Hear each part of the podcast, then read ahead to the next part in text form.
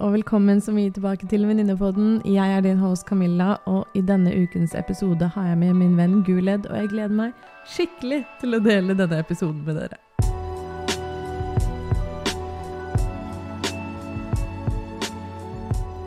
Hallo, hallo, hallo, og velkommen så utrolig mye tilbake til Venninnepodden. Det er så hyggelig at du er med og tuner inn, og uansett om du er en OG-lytter eller en helt ny lytter, velkommen skal du være, og jeg gleder meg skikkelig til å dele denne episoden med deg.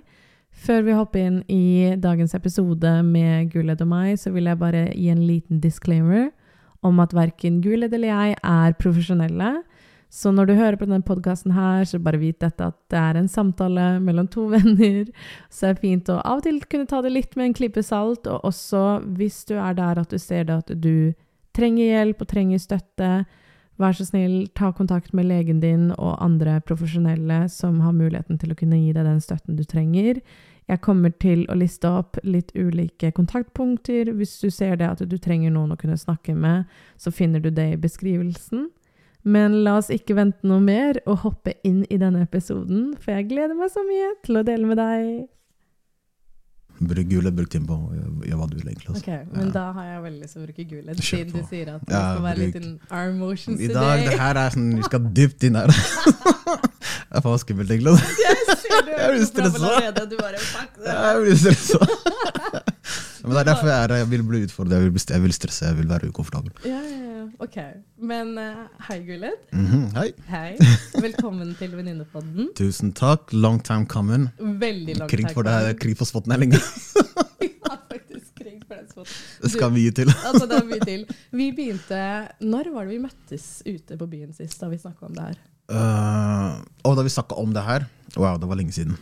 Det var, For du er aldri ute, så jeg uh, nei, faktisk ikke ute så veldig ofte. Men jeg tror vi møttes da du faktisk starta første episoden din. Uh, rett etter lå Ja, første. ikke sant? Jeg tror jeg bare hadde to, en eller to episoder ute. Ja, Så det må her må ha vært i april, da.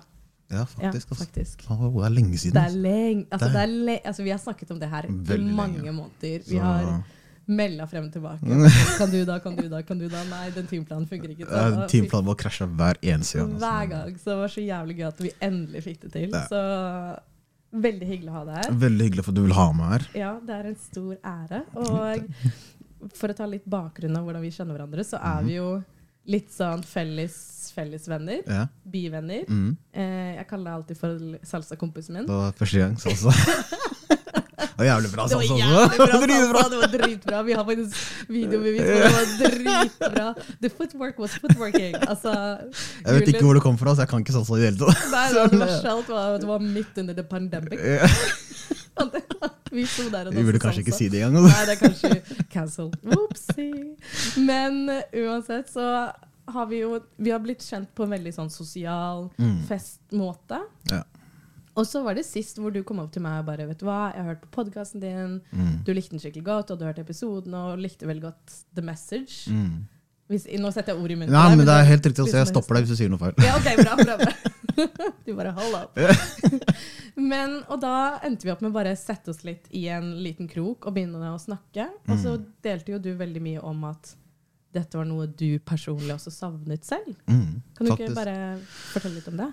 Eh, jo, det var liksom Jeg føler den type praten, det type emne du snakker om, Mm. er uh, noe jeg mangler litt i mine type samtaler. Mm. Uh, ikke at jeg har dårlige samtaler med folk jeg kjenner. Absolutt ikke. Ikke det Jeg elsker de samtalene jeg har, men det er Jeg vil bare utforske det. Mm. Bare se hva det er. Mm. Fordi når du snakker om sånn som mental helse og bare følelser og alt det der, Mm. det er noe jeg har unngått veldig hardt. Mm. Jeg har vært ganske imot det også, egentlig. Ok. Jeg har vært mer sånn ja, det er i hodet, bare kjør på. Okay.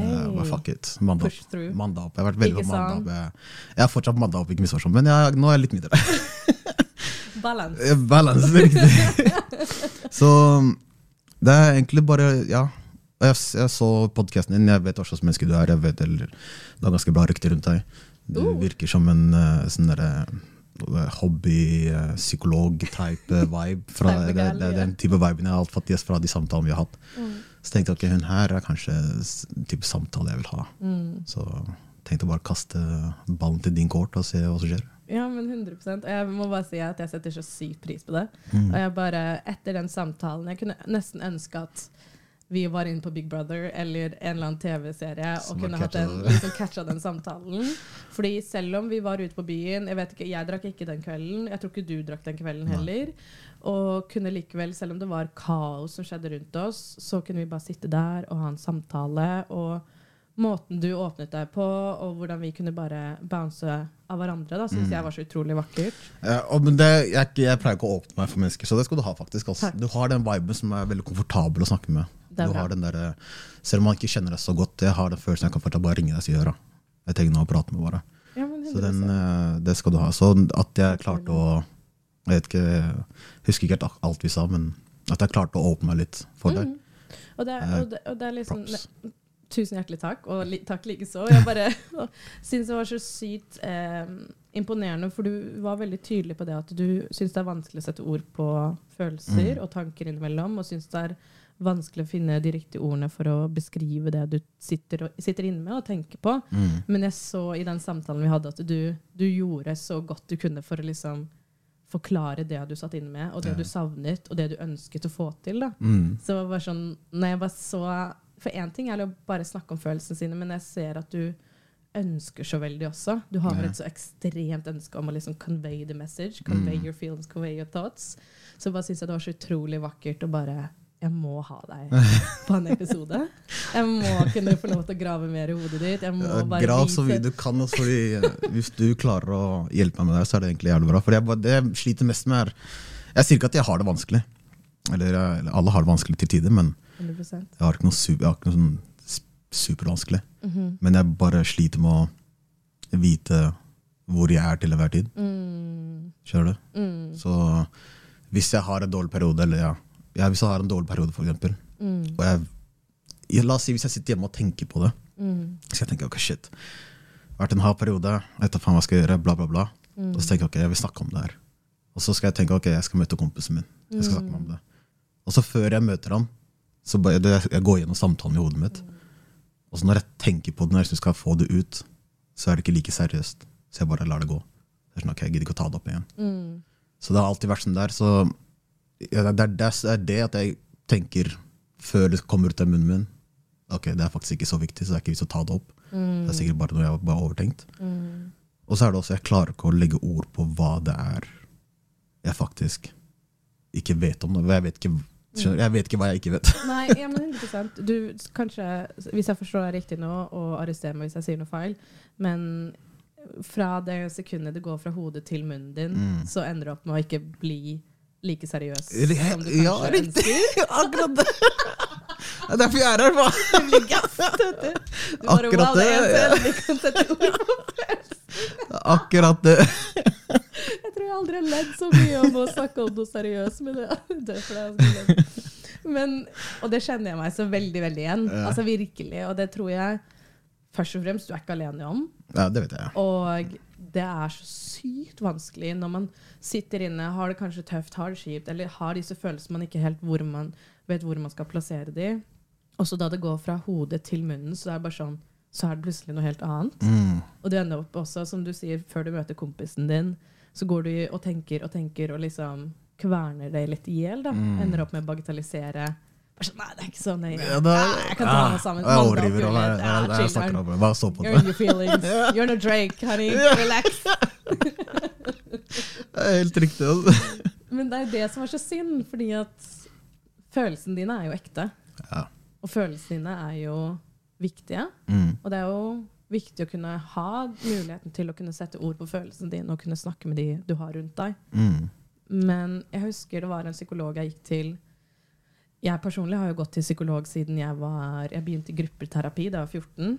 Hva er det for egentlig gruppeterapi? Gruppeterapi eh, etter moren min døde For moren min døde jo av kreft da jeg var 14, Mm. som jeg husker vi snakket litt om sist, og som jeg snakker om i første episode. Mm. Og etter hun døde, så satt jeg faktisk rundt et bord som det her, med barn på min alder også, som var i sånn 14-årsalderen, okay. som hadde mistet et familiemedlem da, til dødsfall, om det var søster eller bror eller mor eller far. Ja. Og så bare satt vi og snakket, alle sammen, og bare liksom delte, da. Altså alle, Ja. alle bare Ok, Alle bare sitter i et rom. Så det er det som er gruppeterapi, at du får muligheten til å møte mennesker som kanskje er i samme situasjon. For meg så var det jo dødsfall i nær familie, da. Ja, ok. Så det var faktisk noe Ullevål sykehus tilbydde da jeg var 14. Okay. Så det var sånn jeg startet i terapi. Ja. Eller hvordan syns gruppeterapien var, egentlig? Det var egentlig bare jeg som snakket. Ja, for jeg klarer ikke å se for meg settingen der. Altså, egentlig. Jeg Ja. det Jeg skjønner. ja. Og det er, jeg tror spesielt hvis man har litt vanskeligheter for å snakke om det, så er det ikke for alle. Jeg tror gruppeterapi kan være en veldig fin måte å liksom ikke kjenne seg alene. Ja, for meg så var det en veldig sånn fin visuell ting å kunne se at det var barn på min alder som også gikk gjennom dødsfall. For der jeg vokste opp i Bærum, så var jeg den eneste som gikk gjennom sorg, mistet mamma, gikk gjennom den tøffe delen av livet mitt. Så Mm. liksom gruppeterapi, å møte mennesker som også var i samme situasjon, var så veldig fint for meg å ikke føle meg så alene. Okay. Og ikke føle meg så veldig malplassert i livet. Okay, Så sånn sett liksom, var det sånn, syns jeg det var fint. Ja. Eh, men jeg har gått til psykolog. Liksom, jeg har gått fra fra gestaltterapeut til psykolog, til privatpsykolog, til offentlig psykolog, til DPS, til coach. Altså, you Ja. name it. det er, Jeg skjønte ikke halvparten. men Nei, ikke sant? Du bare Du har vært gjennom det. Jeg har vært gjennom det. Jeg har også vært hos en psykomonitorisk fysioterapeut. Jeg Men det. ja, det er bare Kaster. kaster ord Ordet har aldri hørt. Jeg aldri hørt du bare snakker norsk. What the fuck? What the fuck? Du bare korrigerer. Jeg tror jeg skal et anfall eller noe. Men, og eneste grunn til at jeg har lyst til å si det, er at jeg har jo gått på dette veldig lenge, og det var en psykolog en gang i tiden som sa til meg at, at hun hørte veldig godt at jeg hadde et veldig godt vokabulær når det kom til å sette ord på følelsene mine og ord på tankene mine. Og det er jo fordi at jeg har gått så mye i terapi. Okay. Eh, og hun sa også det at det å snakke om følelser er nesten som et eget språk. Det er faktisk det. Det er det. er det. Det er det. Ikke sant? Det er språk jeg ikke kan. du bare Camilla, Det learn me. Duolingo for deg. Ja. Men det er akkurat det, og det var det jeg husker så veldig godt fra den kvelden da vi satt og snakket sammen, at det er virkelig et eget språk. Mm. Og det er så vanskelig hvis man ikke vet helt hvordan man skal sette ord og kommunisere det man føler og det man sitter inne med. Så er det så utrolig vanskelig å starte.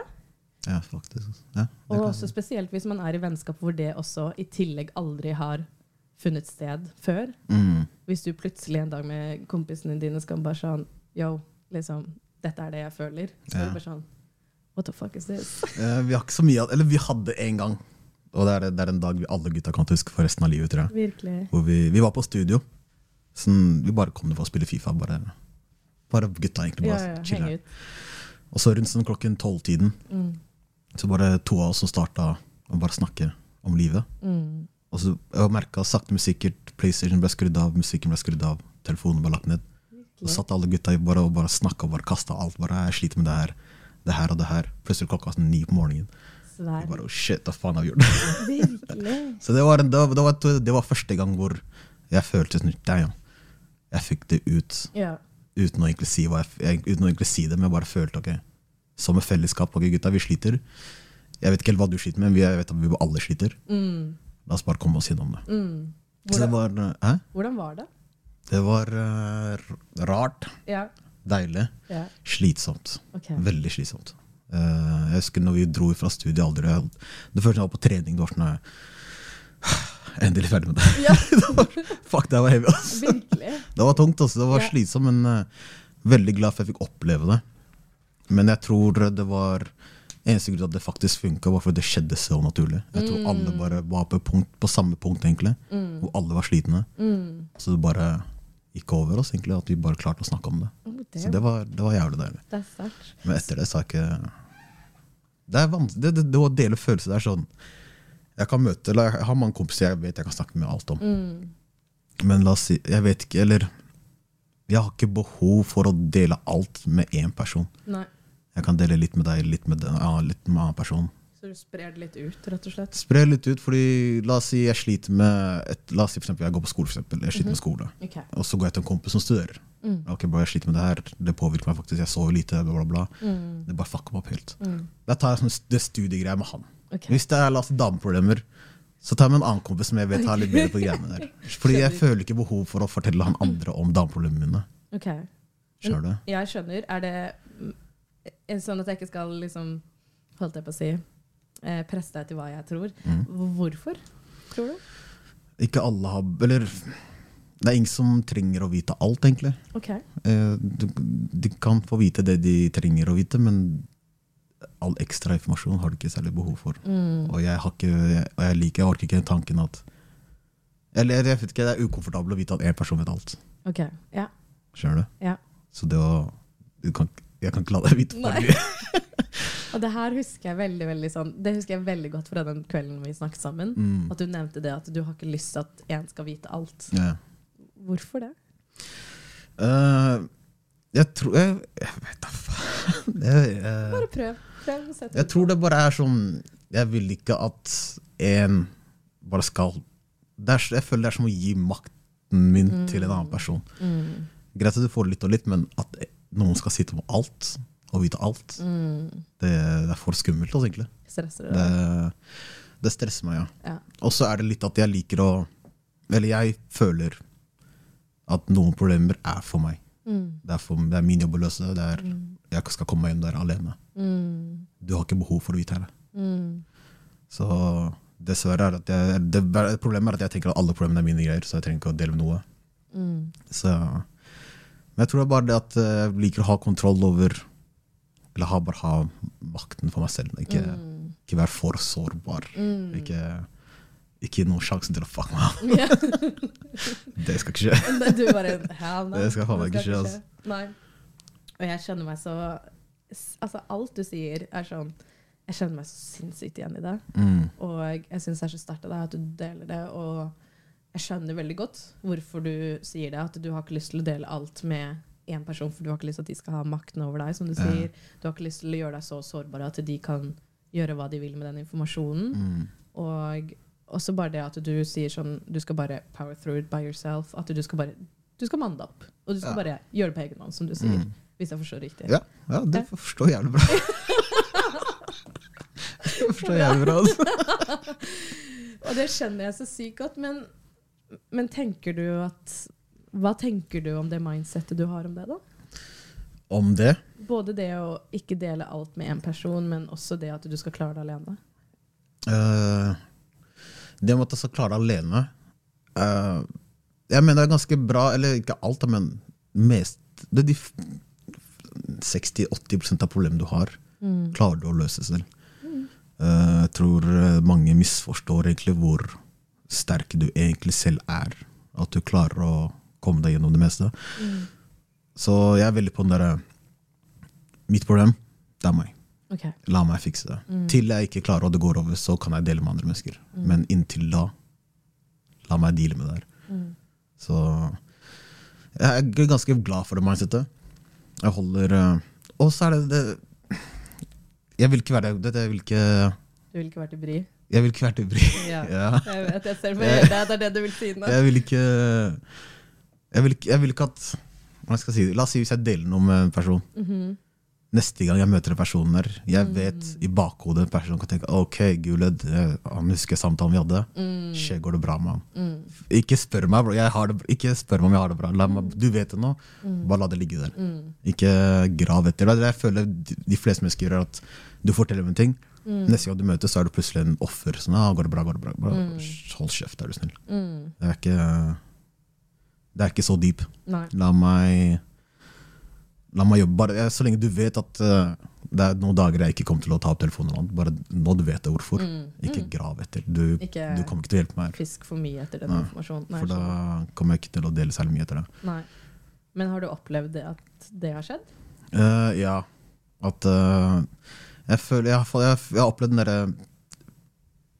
Stakkars Jeg har fått en stakkars følelsen av andre mennesker. At noen syns synd på deg? Ja. Mm. Og det er ikke fan av det i det hele tatt. 100 ikke. Eller snakk. Nei.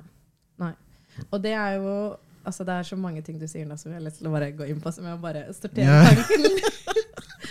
at, eh, men først da og fremst Fordi jeg tror er det én ting veldig mange kjenner seg igjen i, som er grunnen til at de ikke deler, er både den du sier om at 60-80% av problemene dine kan du løse alene. Mm. Og ja, det er mye man kan løse alene. Jeg tror ikke det alltid er riktig Mm. å løse det alene. For Ja. jeg tror ikke det Vi mennesker er flokkdyr, og jeg tror ikke vi har godt av å gjøre deale med det alene. Mm. Jeg har sett hva det har gjort med meg når jeg har stått i det alene, og konsekvensene kommer til slutt og bare ta meg igjen, for det er ikke bra. Mm. Men også spesielt den der delen som du snakker om nå, med at du har ikke lyst til at noen skal synes synd på deg. Ja. Hva, hva skjer der? Hva, hva er det? Um, Og don't get me wrong, jeg kjenner Ja, meg igjen, ja, så vi er i samme båt. Okay. Men jeg vil høre hva du tenker. Eh, om at eh, folk ikke skal se synd på meg. Mm. Jeg vet ikke, jeg vil ikke være den karen for mennesker. Også, egentlig. Jeg vil at folk skal se på meg Jeg vil, jeg vil ikke at noen skal noen gang tenke ok, La oss si for eksempel hvis kompisen min går hjem nå. Mm. Jeg vil ikke at han noen gang skal tenke Gullet går hjem med andre ting. Det blir for mye for han. Mm. Jeg vil heller at det skal være sånn vet du. Jeg vil være den veggen du kan bare kaste alt på. Og det går Mm. bare fint. Og hvis du trenger good time, kom til meg. Det går fint. Vi kan ha good time. Ikke ha den der ah, gule gå hjem-ting selv. Stakkars kar. Nei, nei, nei, nei. Det, det, nei, det, ja, nei, det går ikke, altså. Men hvis han istedenfor tenker 'Å, stakkars Guled', og 'herregud, han sliter, og han har det tøft', Mm. så kan han heller tenke 'damn, Guled eh, er sterk, og han dealer med sitt shit', og samtidig som han dealer med det, så deler han det også med meg. Fy fader, altså, det er beundringsverdig. Ok, shit. Jeg har ikke tenkt på det sånn. Nei? Jeg har ikke tenkt på den måten der. Uh, deg, ja. Hva tenker du nå, da? Det, ok, ja, det er en fin tanke, ja. Men Du tror ikke på det? jeg tror ikke på det. Nei, jeg, jeg Det er ikke realistisk for meg i hodet mitt. Det, jeg skulle ønske det var sånn. Ja. Men uh, jeg tror folk uh, I hvert fall for en, viss, en kar som meg, Mm. eh, og gutta mine, egentlig, de fleste jeg er oppvokst med, Mm. som ikke snakker så veldig mye om følelser og alt det der. Mm. Hvis vi begynner å gjøre det, så er det med en gang varselalarm. Ok, shit, Mm. nå begynner han å dele ting. Mm. Nå må det faktisk være krise. Ikke sant? Det er ikke så krise, Mm. så ikke behandle meg som det er, kri at det her er krise. Nettopp. Så jeg tror det er det som egentlig bare holder mange tilbake også. At uh, jeg holdt ut så lenge. Starter jeg med, så er det red flags overalt. Ok, Mm. oh man, on deck, hjelp han karen her. Mm. Det er ikke det. Det er ikke det. For det er bare smått det. Ja, ja. Så jeg tror det er det som holder også meg tilbake, og veldig mange andre også. altså. Jeg tror, ja, at jeg, jeg vet om det er veldig jeg vet at det er mange som har det samme følelsen at ok, jeg vil starte, men at jeg starter nå, som Mm. 25-åring, Mm. folk kommer til å tenke at det er fucked up krise nå. Jeg skjønner hva du mener, men samtidig så tenker jeg også det er en helt naturlig del av å bli voksen, da. Mm. Å gå fra å være Man sier jo det at liksom, hjernen er ikke ferdig utviklet før man er 25. Ja, Jeg tenk- håper, håper ikke det, altså, for jeg er ikke utferdig. Altså. Hvis bare- det her er ferdig. Jeg håper det går til 30, altså. Jeg har mye igjen, altså. Jeg er ikke ferdig. Don't you worry. Jeg tror dere menn har lengre tid enn oss kvinner. Men jeg tror vi alle trenger tid. Og så tror jeg det også er liksom, når man er i 20-årene, er første gang man kanskje er litt på egen hånd. Mm. Og faktisk man fordi at når man er frem til man er 19, så går man jo liksom bare en vei som er malt opp for deg. Mm. Du går skolen, du fokuserer på det, du liksom går videregående, du gjør det. Du har vennene dine, og fotball, kanskje. Hvis du ikke har kneskade, som de fleste Kneskade. Jeg har faktisk kneskade, har kneskade. altså. Jeg lover det. kneskade. Kunne jeg profesjonell også. Altså Alle jenter som snakker om karer som skulle egentlig blitt for profesjonelle fotballspillere. Altså, de bare, ja, men så fikk han en kneskade. Jeg bare, oh my Det men det er verste, det er sant. Alle får, det, er, det er noe rart. Altså. Egentlig alle får kneskade. Alle får kneskade. Anyways, anyhow. Og så kommer du til 20-årene dine, og du begynner å skal finne ut av livet ditt. Og stiller deg mange av de spørsmålene som jeg også har hørt at du gjør i din samtale. Hva vil du nå? Hva blir neste? Hva ønsker du å få til? Man kanskje begynner å innse at man har noen ambisjoner, man ønsker. Og så en del av det også er det følelsesmessige som kommer til det. At man kanskje begynner å være litt mer selvkritisk. Man kritiserer seg selv. Man opplever kanskje sitt første kjærlighetssorg. Mm. eh, selvtilliten, hva enn det skulle være. Så går man gjennom disse toppene og dalene av livet. Så det er jo egentlig veldig naturlig at disse samtalene ikke kommer først før man kanskje er i midten av 20-årene. Ja. Men for oss jenter så bare skjer det litt tidligere. For for oss er det så veldig naturlig ofte, jeg skal ikke si alltid, men Mhm. ofte veldig naturlig at vi snakker veldig mye om følelser. Snakker om hva han eller hun eller whatever happened. Ja. Mens karer er bare sånn Kanskje snakke litt oftere om fotball eller Fifa eller Ja. Ja, det nå, nå antar jeg. Så kanskje, Nei, men det er sant. Vi snakker ikke Eller vi, jeg tror folk har misforstått karer, eller i hvert fall de jeg er, vokst, eh, er rundt med. Jeg kan ikke snakke for alle. Vi snakker hvis det faktisk er krise nå. Da snakker vi. Og det er jo det det, er det som er noe- dumt, at man skal forbinde det å snakke om følelser som at det er i ferd med å renne over. Mm. At det er kjempekrise. At det er nesten sånn at det er liv eller død. Ja. Eh, før man faktisk snakker om følelser. For det er jo veldig mange andre ganger før man kanskje snakker om før det er helt krise, at man kanskje har Eller man, man har behov for å snakke om følelser. Ja, ja. For de gangene du kanskje nå har behov for å snakke om noe fordi at eh, du er der i livet ditt, at du vurderer hva som er neste, neste kapittel for deg, hva som er neste steg for deg, Mm. og kanskje bare lyst til å kaste litt ball med en kompis og bare snakke litt med at å shit, jeg vet ikke helt hva jeg skal gjøre, jeg føler at jeg har kasta bort livet mitt, jeg vet ikke helt hva jeg skal gjøre videre. Mm. Men hvis du tar det opp med han, så tror han at du kanskje er på randen til å liksom bli innlagt. Ja. Overdrive. Ja, ja, men ja, men du putter på spissen, ja. Ja, jeg putter det på spissen. 100% Men du skjønner litt hvor Jeg skjønner veldig godt hva det med du mener. Ja. Men ja det, Jeg føler også det med å snakke om følelser Mm. Jeg føler det har blitt et veldig stort emne nå i Mm. samfunnet. 100% Og det skaper unødvendig press på de som okay. faktisk ikke deler. OK. Det blir sånn Jeg føler nå det er veldig sånn bra Hvis du ikke snakker om følelser, hvis du ikke deler, så er det noe galt med deg. Mm. Og det er ikke sånn som jeg er ikke så veldig Jeg prøver. Jeg tror folk kanskje tror at jeg er veldig komfortabel å snakke om følelser, men jeg prøver så godt jeg kan. Mm. Men det er veldig mange som ikke er det. Og hvis du ikke er komfortabel med det, nå plutselig samfunnet har switcha helt og sier nå alle skal snakke om det, menn må snakke, bla, bla, bla. Ja, ja. Og så er vi mye sånn der, men's health. Alt det. Ja, stor, ja, selvfølgelig, men babyskritt. Ikke kast alt det her på alle sammen. Det er mange som nå blir stressa fordi det er mange podcaster hvor folk snakker om følelser og følelser og følelser. Mm. Og det blir sånn shit. Sitter jeg langt bak nå? Jeg klarer ikke, jeg, jeg, jeg, jeg klarer ikke å keepe opp med samfunnet nå. Jeg skjønner. Jeg er skada. Nettopp. Og da begynner man å liksom tenke sånn Er det noe galt med meg? Ja. Så Fordi- for de som hører på, du er ikke skada, bare ta tiden din. Ja, men 100% Og det, altså, jeg syns det er så bra at du sier det, Gullet, fordi det, det er virkelig en reise. Og det er Mm. ironisk å kalle det det, men det er virkelig en reise om å bli vant med og komfortabel med å snakke om det. Jeg tror for min del ehm, Som jeg sa, liksom, jeg mistet jo mamma da jeg var 14. Hadde vært fire år med kreft og ganske tøft. Mm. Og gjennom hele ungdomsskolen og videregående, hvis jeg var på randen til å begynne å grine, stengte jeg meg inn på toalettet alene, gråt, passet på at jeg så bra ut før jeg gikk ut, og så gikk tilbake til klassen. Og bare stengte meg bokstavelig talt inne for alle. Og det gjorde jeg i mange, mange år, frem til jeg var jeg tror det var 19, da pappa, pappa begikk selvmord. Og jeg tror kanskje det var bare et halvår etter at han døde, hvor jeg var hos legen. Og han var bare sånn 'Hvordan går det med deg?' Så jeg bare sånn 'Nei, det går fint'. Jeg, jeg skjønner meg veldig igjen i det du Mm. sier. Jeg har lyst til å være god stemning. Jeg er en veldig ekstrovert og synlig person. Jeg har veldig lyst til at når folk er rundt meg, så skal de ha det bra. Mm. Kjente mye på det ansvaret at jeg har ikke lyst til at folk skal komme til meg og bli stressa for at 'Oi, Camilla har det tøft'. Hun nevnte sist at hun har det vanskelig. At liksom, ikke sant? Ja. Altså, jeg, bare, jeg, bare sånn, jeg har lyst til at alltid skal være good vibes, good vibes, bra stemning. Og liksom kjente mye på det ansvaret. Mm. Men så var det legen min som var bare sånn Men Camilla, du har det ikke bra. Og jeg bare Jo da, jeg har det bra. Liksom. Jeg står i det. Mm. Liksom, power through. Liksom, sånn som jeg bare som kvinne opp. Liksom, ta deg sammen. Du dealer med det her. Du, det, her liksom, det er et tildødsfall, men whatever. Liksom, jeg dealer med det. Ja.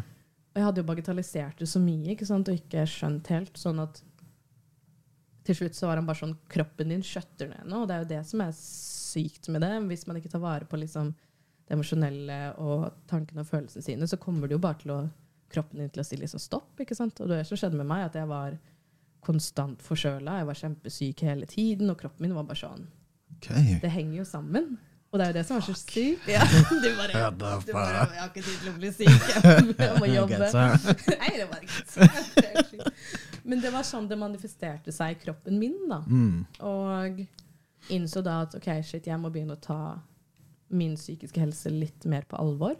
Um, og det har jeg gjort nå de siste ti årene.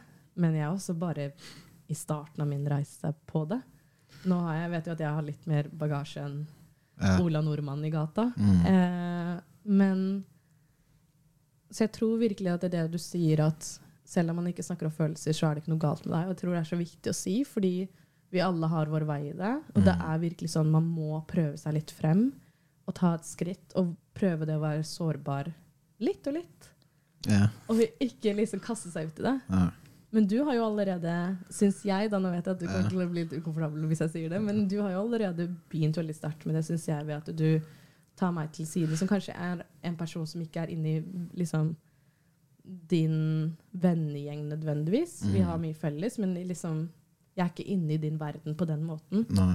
Så sannsynligheten for at du møter på meg hver gang da, er ikke like ofte. Men jeg tror det også er litt av den derre Det som gjør det lettere, egentlig. Nettopp. For det er sånn, det er sånn som man, jeg føler hvis man drar til psykolog Grunnen til at det er lettere, eller man kan faktisk kaste alt, er fordi den personen ikke er inni din boble. Det er, Nettopp. det er en person som er litt utafor. 100 Så det er, sånn, det er litt tryggere å bare kaste ting på den personen der. Virkelig. Så øh, jeg tror det det jeg fikk med deg også. Det var sånn, ok, jeg vet hun er, men hun er ikke, er ikke hun er ikke i min boble, liksom. Nei. Men hun er for, jeg føler, for jeg får den viben jeg kan fortsatt snakke med henne. Ja. Så jeg tror det er derfor jeg bare begynte å kaste ting på det. ja. Og jeg tok imot tommere med åpne armer. Men jeg, jeg bare syns det er så fint å si det, for det, det er så sant. Og jeg har også vært der også at eh, hvis jeg har hatt venner eller bekjente som mister en forelder eller en, en familiemedlem, så sier jeg til dem si fra om du har lyst til å snakke om det, for av og til kan det være fint å snakke med noen som ikke kjenner deg så veldig godt. Mm. Fordi man har ikke de Holdt jeg på å si Det kjennskapet til personen fra fra før av, eller de antakelsene, eller whatever. Eller man kjenner det ikke på den samme måten fra før av. Jeg synes det er vanskelig å sette ord på det. Men man får muligheten til å se de som de er, og ikke på en måte man kjenner de fra før av. Mm. Så det er så fin måte å øve seg på å være sårbar med noen, fordi at det, det som skjer, er der og da. Den samtalen er der og da. Da du og jeg satt og hadde den samtalen, så var det der og da. Jeg trengte ikke å tenke på noe annet. Eller Nei, du trengte ikke å stresse over at neste gang du så meg, så kommer jeg til å synes synd på deg, eller Nei, det, det tenkte jeg faktisk ikke på. oss. Det var, det var en deilig følelse. Mm, Så jeg vet ikke hvor du har fått den viben fra, men du har en jævlig bra vibe. Det skal, takk. skal faen meg ha. Altså. Men jeg tror, jeg tror det også er en, eller en stor grunn til at jeg vil begynne på den der Jeg skal ikke se på den der self-healing-reisen, akkurat, men at jeg bare begynne å snakke om disse typer temaene, er fordi jeg vet hvis det faktisk skjer noe ille med en kompis av meg, Mm, jeg kommer ikke til å klare å være der emosjonelt for han mm, akkurat nå. 100% Jeg kommer ikke til å være den karen han kan komme og snakke til. Jeg, jeg tar imot, men jeg vet jeg kan ikke, jeg kan ikke tilby noen type hjelp. Jeg er ikke Jeg vet ikke hvordan jeg skal si det. Jeg, ikke, jeg, ikke, jeg klarer ikke å være der for han som han trenger, faktisk. Mm. For hva mener du at, Hvordan du skal være sånn som han trenger, da? Bare være, være til stede emosjonelt, egentlig forstå hva Eller ikke forstå, men prøve å det, Bare vite hvordan, hva han føler akkurat nå. Mm. Uh, for hvis noen kommer til meg, la oss si hvis en kompis kommer til meg og sier ok, det her og det her skjedde, familiemedlem, det her og det her. Mm. Jeg kommer til å sitte som blank ark, for jeg vet da Mm. faen hva jeg skal Jeg vet ikke hva jeg skal si. Det, er, jeg vet ikke, det går bra Vær lei deg. Jeg vet ikke om jeg skal si vær lei deg. Mm. Mann opp, jeg vet hva faen jeg skal si. Det er sånn, okay. Du vet ikke hvordan du skal møte det? i jeg vet ikke hva jeg skal møte det. Og det er egentlig en veldig stor frykt jeg har. Altså. Jeg vil ikke være Jeg vil være til stede. Jeg vil være, kunne hjelpe en kompis Mm. hvis han faktisk trenger det. Okay. Så jeg tror det også er veldig stor grunn til at jeg vil begynne å snakke om det her, gjøre det til en Mm.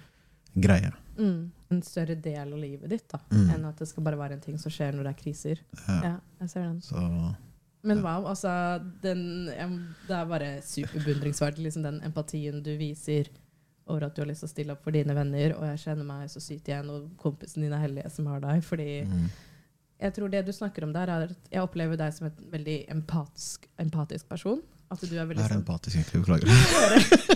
Elsker at du spør. For jeg er akkurat den samme. Hver gang noen kaster noen ord på meg som jeg ikke folk skjønner. sier empati, sympati Dette faen jeg- Ok, La meg forklare, for dette her har jeg nerda på i 15 år. Ok, vær så forklare forklar meg ordentlig. Okay, Nå har jeg ikke liksom dictionary foran meg, men sånn som jeg har lært en forskjell på empati og sympati Og det var en ting jeg hadde lyst til å nevne deg i sted, for at du tok frem det at du har ikke lyst til at folk skal synes synd på deg. Mm. Eh, og det er en form for sympati. Så sympati er at hvis du forteller noe tøft, så kan jeg høre på det du sier, og så kan jeg være sånn Oi, shit, så Bare sånn Oi, stakkars deg. Jeg, Ja, Så det jeg gjør, da, at jeg plasserer meg ikke inn i dine følelser. Jeg bare ser dine følelser utenfra. Og bare har en armlengdes avstand. Og bare sånn Å ja, stakkars deg. Whatever. liksom, Gå videre med livet. For jeg, jeg ser hva som skjer, men jeg blir ikke påvirket emosjonelt av det. Ok. Så jeg setter, ikke, jeg setter ikke mine følelser inn i dine følelser. Så når jeg forklarer empati nå, så tror jeg du kommer til å skjønne forskjellen. For empati handler om at jeg kan få Når du sitter og snakker om det du syns er vanskelig, Ja. så kan jeg føle med deg. Så det du sitter og setter ord på, kan jeg være sånn Føle med deg. Så istedenfor at jeg sier 'staker deg', jeg, så kan jeg si sånn 'oi, shit'. Det høres skikkelig vanskelig ut. Så empati handler om at jeg føler med deg. Mens sympati er mer at jeg bare observerer. Ok. Det, det, det, ga veldig, det ga mening nå. Ga det mening? Da føler jeg at jeg har Jeg vil ha mer empati enn jeg har sympati. 100 For akkurat nå jeg har sympati, Ja. og jeg føler sympati jeg egentlig ikke bryr seg. Ja, Det føler jeg ikke bryr meg om. Så sånn, stakkars cool. Og så bare whatever. Liksom, la oss gå liksom shoot hoops. Det er det empati. Jeg vil faktisk føle det. Jeg vil Nettopp. Come on, bro, vi er her sammen. Jeg vil ha det den der. Ja, det er den Ja, jeg vil ha. Og det er det som er at jeg opplevde så mye sympati i oppveksten min, hvor mennesker hørte om at jeg var foreldreløs, eller moren min var død, eller at faren min var syk, syk eller whatever. Og de bare sånn 'Å, stakkars deg. Buhu.' Og så er jeg bare sånn Men liksom, ok, jeg har hatt det tøft, liksom, men det definerer ikke meg som et menneske. Det er bare en del av livet mitt eller en del av oppveksten min. Men jeg er så mye mer. Jeg er ikke bare Camilla som er foreldreløs. Jeg er hele Camilla. Jeg er noe helt annet. Mm. Mens når jeg kan møte mennesker som kan si at Oi, shit, det var sykt vanskelig å miste moren din i en så ung alder.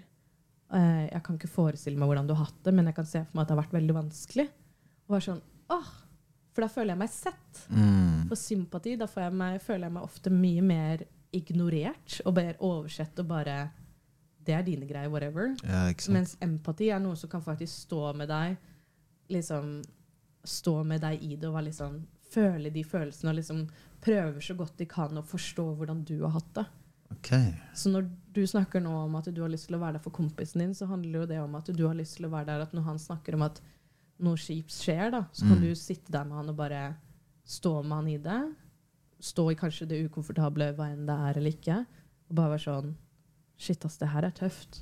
Det her er ikke lett. Mm. Men vi skal klare det sammen. Det er empati. Så hvordan faen får jeg mer empati, da? det er det jeg vil ha. Jeg tenker Jeg bare, jeg bare sånn, jeg har lyst til det er liksom one on one oppskriften for å oppleve mer empati. Jeg tror først og fremst for å oppleve mer empati, så må du også gi mer empati. Nei, men Jeg vil ikke oppleve empati akkurat nå. Jeg vil, jeg, grunnen med hele reisen er at jeg vil kunne gi empati. Mm. Men eh, hvordan skal jeg Hvordan skal jeg gi jeg, vet, jeg vet ikke hvordan jeg skal spørre engang. gang Jeg- bare prøv, prøv deg frem. Hvordan skal jeg gi empati? Hvordan, jeg, Hvordan ja, hvordan kan jeg bli bedre på det? Hvordan kan jeg være en empatisk kar Mm. som når kompisen min snakker til meg, han føler faktisk ok, Gulef han, er, han rider med meg akkurat nå. Mm. Ikke at han ser på meg som en apekatt i bur, Mm. men han er virkelig down, down for the grind. Ja, ja, ja. Jeg vil gi den gi. følelsen til folk rundt meg, egentlig. Ikke bare kompisen, men generelt folk Jeg vil gi den viben der. Ok, Akkurat nå, jeg, Det jeg føler at jeg gir, er, er sympatigreia. ok. Jeg føler jeg gir sympati, men jeg vil egentlig gi empati. Men jeg, så jeg blir sånn fuck. Hvordan? How can I get on the other side? Så jeg blir sånn bro, Gi meg et par måneder, ikke sagt meg ennå. la, la meg jobbe litt. La meg grinde litt. Jeg må deale med dette empatigreiet. Jeg kommer tilbake til det. Hold tanken. Jeg dør for deg. Eh, først og fremst Mm. Elsker at du spør om det. Altså, jeg dør for deg, Gullet. Du aner ikke hvor mye. Altså, ja.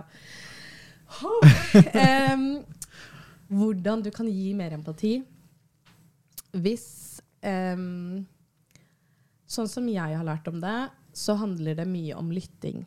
Mm. Og er det en ting jeg hører som går igjen veldig mye i samfunnet vårt, er at vi er en generasjon som ikke er gode på å lytte. Mm. Og en av de beste måtene å gi empati på, er faktisk å lytte. Det handler ikke om hva du skal si, det handler ikke om hva du skal gjøre, men det handler bare om at du skal lytte. Det er en, en del av det. Du har Ja, lyst til å svare nå, du bare for men det. jeg lytter. Jeg, skal jeg fortsette, jeg skal gi Ja. sjansen. Ja, ja, ja. Og grunnen til at jeg sier at det handler om lytting, er at det jeg ser ofte skjer da, hvis noen har en tøff periode, eller det har skjedd noe, de har hatt et brudd med kjæresten, eller de har mista jobben sin, eller you name it, uansett hva det er.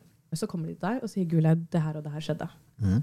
For mange av oss så er det så veldig naturlig for oss at når en person kommer til oss med et problem og en utfordring, så har vi lyst til å løse det. Vi har lyst til å lese det for dem. Facts. Facts. Facts. Vi har lyst til å løse det for dem. Vi har lyst til å løse problemet. Vi har lyst til å ta bort, vi å ta bort smerten. Vi har lyst til å ta bort sorgen. Vi Mm. har lyst til å ta bort hjertesorgen. Mens det eneste vi egentlig trenger å gjøre, er bare da. Okay. Ok, Skjønner du? Skjønner du hva jeg vil? Jeg skjønner hvor du okay. Så hvis du kommer til meg og sier Camilla, eh, det her og det her skjer med en chick jeg dater. Mm. Så istedenfor at jeg skal drive og løse det, eller det her og det her har skjedd, eller det her skjer med jobben min, så istedenfor at jeg skal sitte og løse problemene dine For at du er en voksen mann, du klarer å løse livet ditt selv, som du sier. Ja! Nettopp. Men en annen ting er å snakke om følelsen din av det, men også komme for råd. Selvfølgelig Hvis man kommer for råd, så er jo det en annen del. Mm. Men det tenker jeg at det har ikke jeg lyst til å gi til deg før du spør meg hva synes du. For veldig Mm. mange gjør at de gir sine meninger og råd før de blir spurt om det. Så når du kommer til meg, så istedenfor at jeg skal si at å ja, men du burde gjøre det og det og det, så kan jeg være sånn å ja, men hvordan har du det med det? Mm. Og så kan du si jo, sånn og sånn og sånn. Så kan jeg være sånn, «Å ja, men hvorfor tenker du sånn? Og så når du deler noe, så kan jeg være sånn, å, vet du hva? Nå skjønner jeg hvorfor du sier at du tenker sånn. Det gir mening. Jeg skjønner deg, jeg ser deg. Okay. Og det er en måte å praktisere empati på. Og det er ikke noe som skjer over natta. Nei, det, Men det handler jo om, først og fremst om å lytte, og også om det å istedenfor å Det veldig mange gjør, som jeg også jeg har gjort noe nå under podkasten også, når du har delt noe, så deler jeg noe av mine for å vise at vi har noe til felles. mm. Men det er det at veldig mange gjør det hele tiden. At når de sier sånn, Hvis du skal fortelle meg ja, Camilla, jeg var på ferie i Roma, så kan jeg si å, jeg var også i Roma. Istedenfor å spørre å ja, hva var favoritten din? Hva likte du? Å, fy faen, altså. Ikke sant? Facts. Ikke sant? Så man ønsker å holde seg relevant for samtalen, men så er sånn no, veldig ofte så er det ikke så veldig viktig at du gjør deg relevant for samtalen, men heller lar den andre personen være i fokus. Og ved at du lar den andre personen være i fokus, og at du ønsker å føle som de føler, og forstå hva, hvordan de tenker og føler, det er en måte å praktisere empati på. Ok. Ikke sant? Ja. Så litt mer. Litt mer. Det er step Eh, one. Litt mer. Og jeg jobbet under korona så jobbet jeg på eh, Jeg kan ikke si hvor, men jeg jobbet på en krisetelefon. Okay, eh, hvor mennesker ringer inn når de har det tøft. Mm. Eh, og veldig ofte hvis de er sliter med selvmordstanker eller ønsker å begå selvmord eller har bare, er ensomme eller tøffe perioder. Og da måtte jeg gå et veldig veldig langt kurs for å kunne jobbe på telefon. Og det var én ting som var veldig vanskelig for meg, men der snakket vi mye om lytting. For vi fikk ikke lov til å si våre meninger. Vi fikk ikke lov til å, så vi fikk ikke lov til å si våre egne meninger, og vi fikk ikke lov til å snakke om oss selv. Ok. Så når de ringer inn og satt på telefonen og delte om liksom hva de hadde gjort, så var eneste måten jeg kunne konversere med de, var å stille spørsmål og lytte til de og snakke med de, men aldri si min mening eller dele noe om meg selv. Det er vanskelig, altså. Det er dødsvanskelig. Deg òg. Men jeg lærte så jævlig mye om hvordan det er så fort gjort å snakke om seg selv. Og det er så jævlig fort gjort å bytte tema eller ende opp på noe annet. Ja, ikke sant. Så det som skjedde med vennskapene mine, var at når jeg møtte for eksempel, en av mine nærmeste venninner og vi var ute og gikk tur, så snakket hun om noe med, om, som hadde skjedd med faren sin. Så istedenfor at jeg kunne bare liksom være sånn Å ja, shit, det hørtes vanskelig ut. Så kunne jeg være sånn Å ja, men hvorfor var det vanskelig? Eller hva skjedde? Hva fikk det deg til å føle? Hva fikk det deg til å tenke? Og liksom bli ordentlig kjent med den. da. Fordi jeg tror ofte, hvis noen ganger av de gangene du har snakket med dine kompiser om dine følelser, Mm. så kan jeg se for meg at det eneste som skal til for at du velger å åpne deg litt mer, eller være litt mer sårbar, er at de viser en genuin interesse og bare stiller spørsmål. Ja, ok. Åpna hodet mitt nå. Altså. Yeah. Jeg ser for meg alle samtalene jeg har hatt Ja. med mennesker og annet, hvor jeg egentlig kunne kanskje gjort bedre å stille sånn, sånn type spørsmål. altså. For det er ofte Det å lytte det, jeg, jeg, føler, jeg har hørt og jeg føler jeg er ganske flink til å lytte. Mm. Jeg kan høre på deg Jeg kan høre på deg flere timer, det er null stress. Mm. Men det er, jeg, vet ikke, jeg vet aldri hva jeg skal si etter. Jeg, ikke, jeg kan ikke si ja, bro, gjør det her, gjør det her. Men som ofte blir sånn der, jeg sitter og tenker Damn, Mm. hva skal, hva skal jeg si? Nei. Shit, bro. Ja, du, sånn, du vet ikke hvor du skal starte. Og det er det Men kanskje de spørsmålene der som hadde gjort samtalen ti ganger bedre. Også, egentlig. nettopp. Fordi det, sånn som du snakker om nå, så er det jo det at da tenker du igjen på hva skal du si for å løse det. Ja. Istedenfor å bare stille spørsmål for å bare bli mer kjent. Bare spørre hvem, hva, hvordan, hvorfor. Fuck. Går det greit med hodet ditt? Ja. Faen, Bare mye å, Det er mye. mye å tenke på. oss. Jeg vet. Og det Først og fremst må jeg bare si at hvis du først begynner å bli bevisst over hvordan du har samtaler med vennene dine, Mm. eh, og hvordan, hva, du, hva som er automatisk for deg da, å si eller gjøre når de snakker om følelsene sine, du kommer til å bli mindfucked over hvor mye automatisk du har i samtalene Det er det jeg skal tenke på nå. Ja, jeg ser du vet kverner. Ni av ti gangene det er si wallah. Ja! Ikke sant?